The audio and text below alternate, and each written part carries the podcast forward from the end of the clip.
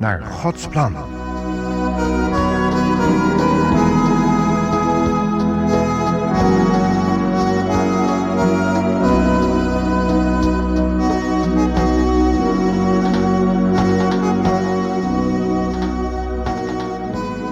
Welkom luisteraar in ons programma Gezin naar Gods plan. Een programma van de Stichting Adulam. In ons vorige programma hebben we gezien dat de Heer Heer wil zijn in uw leven. Hij heeft er natuurlijk recht op, wat heeft u gekocht en betaald. Maar in dit programma willen we samen nadenken wanneer de Heer weer terugkomt in de keuken of als u een, een zit uh, eetkamer hebt, aan tafel verschijnt. En daar worden heel wat gesprekken gevoerd aan tafel. En daar wil de Heer ook bij zijn. Daarom beginnen we dit programma met iets voor te lezen uit Jacobus 1, vers 19.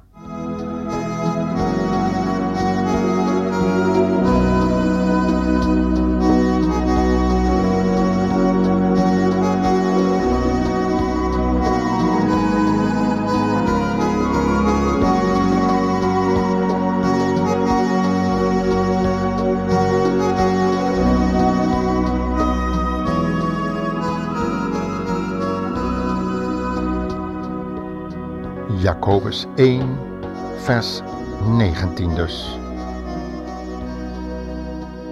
Ieder mens moet snel zijn om te horen, langzaam om te spreken, langzaam tot toren.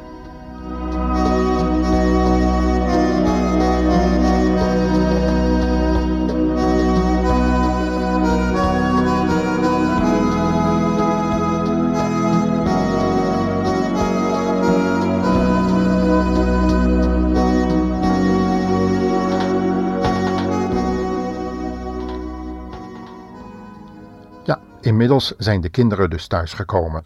En de echtgenoot van de huisvrouw die de Heer Jezus in haar leven had toegelaten ook.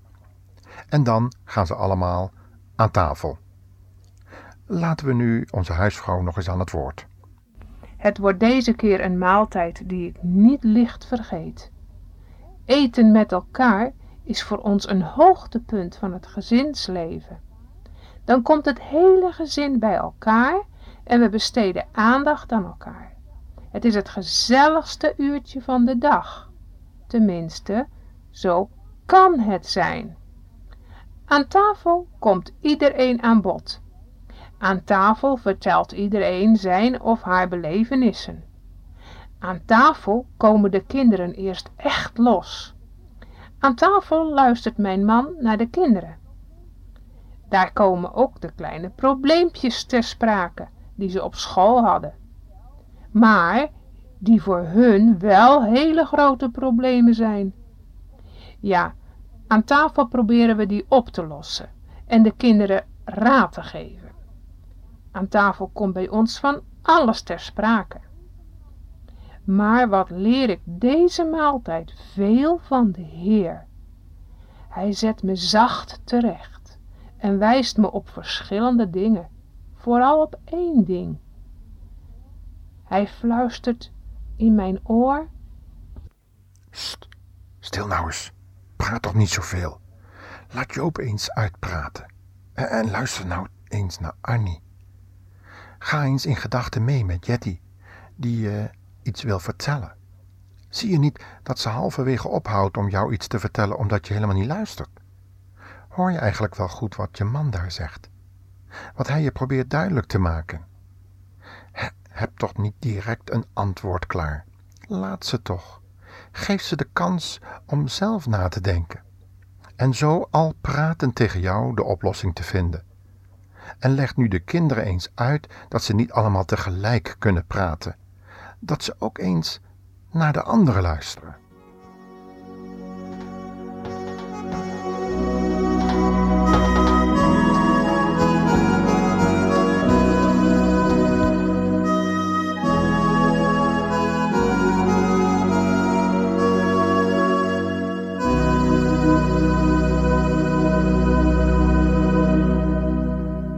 Hem één moment aankijk, lees ik in zijn gedachten. Hoe kunnen die kinderen luisteren naar de ander als hun moeder geen voorbeeld geeft? Met verbazing constateer ik weken later dat onze houding ten opzichte van elkaar is veranderd. Het is spontaner en gezelliger geworden in ons gezin. Ik word er stil van en ook blij. Dan schiet me zomaar een tekst te binnen die ergens in de Bijbel staat. Indien iemand mijn stem hoort en de deur open doet, ik zal maaltijd met hem houden en hij met mij. Is het dit? Ja, dit is het. Niet meer mijn eigen ik, maar de ander. Zal ik het ooit leren?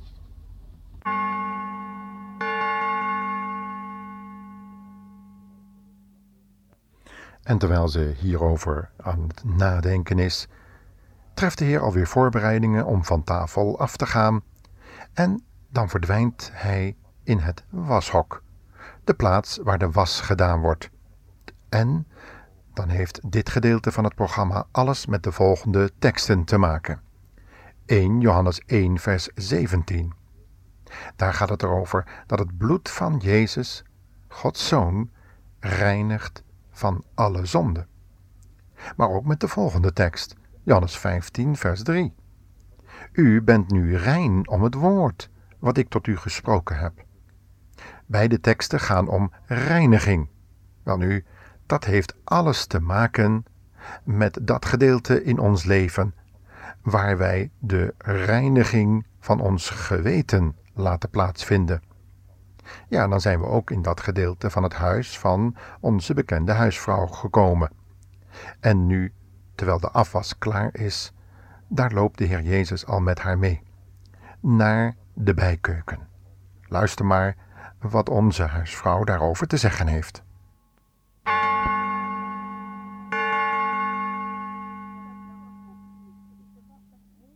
Door dat lange koffieuurtje is de was er helemaal bij ingeschoten. En als ik even terugkijk naar vanmorgen, zie ik dat eigenlijk mijn hele dagschema in de war is gekomen. Normaal zou ik, ja, ik. Als je de Heer ook binnenlaat, loopt alles anders. Terwijl ik zo bezig ben het wasgoed te sorteren, staat hij werempel weer naast me. En ik schaam me een beetje dat hij daar bij mijn vuile wasgoed staat te kijken. Maar hij kijkt me aan vol interesse. Hij kijkt naar wat ik doe. En dan vraagt hij zacht. Zeg, waarom was jij eigenlijk? Nou, dat is logisch, hè? Om het vuile goed weer schoon te krijgen natuurlijk. Zou de heer dat niet weten? En dan gaat hij verder. Uh, heb je wel eens nagedacht waar dat vuile goed op lijkt?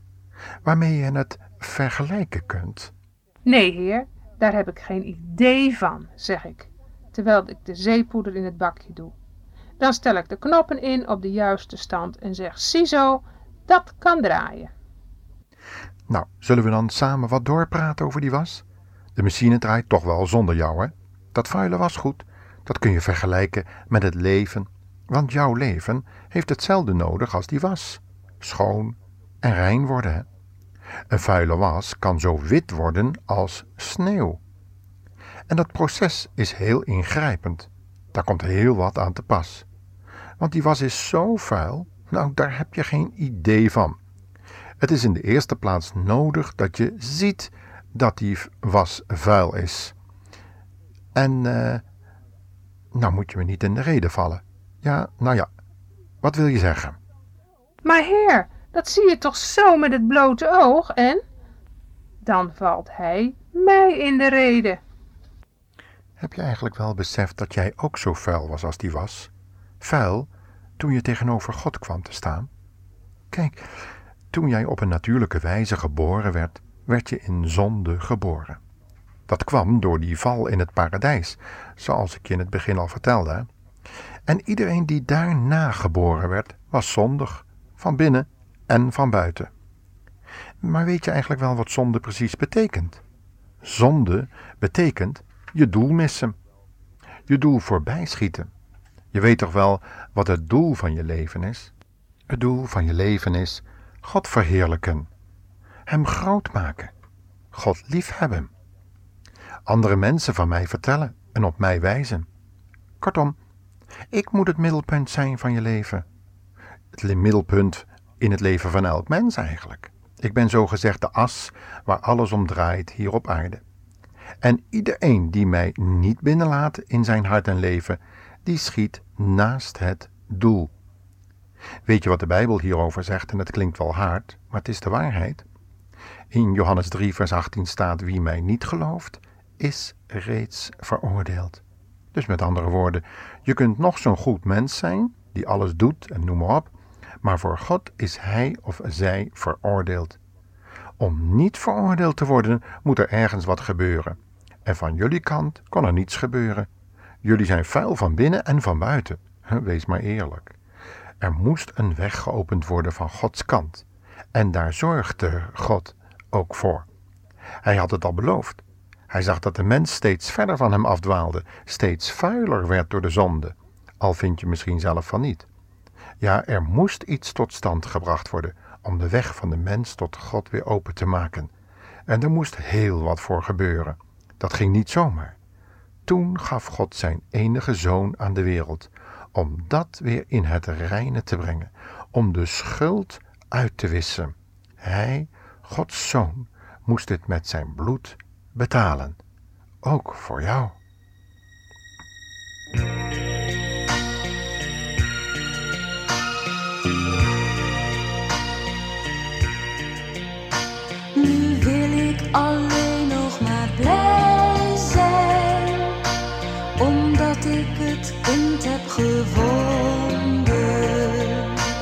Want gij haalt een streep door mijn zonde.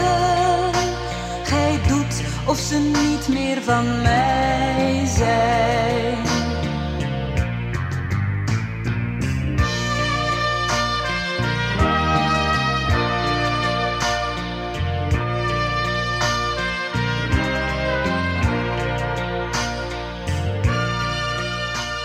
En hiermee willen we dan weer de ruimte waar gewassen wordt verlaten en u uitnodigen om ook naar het volgende programma te luisteren.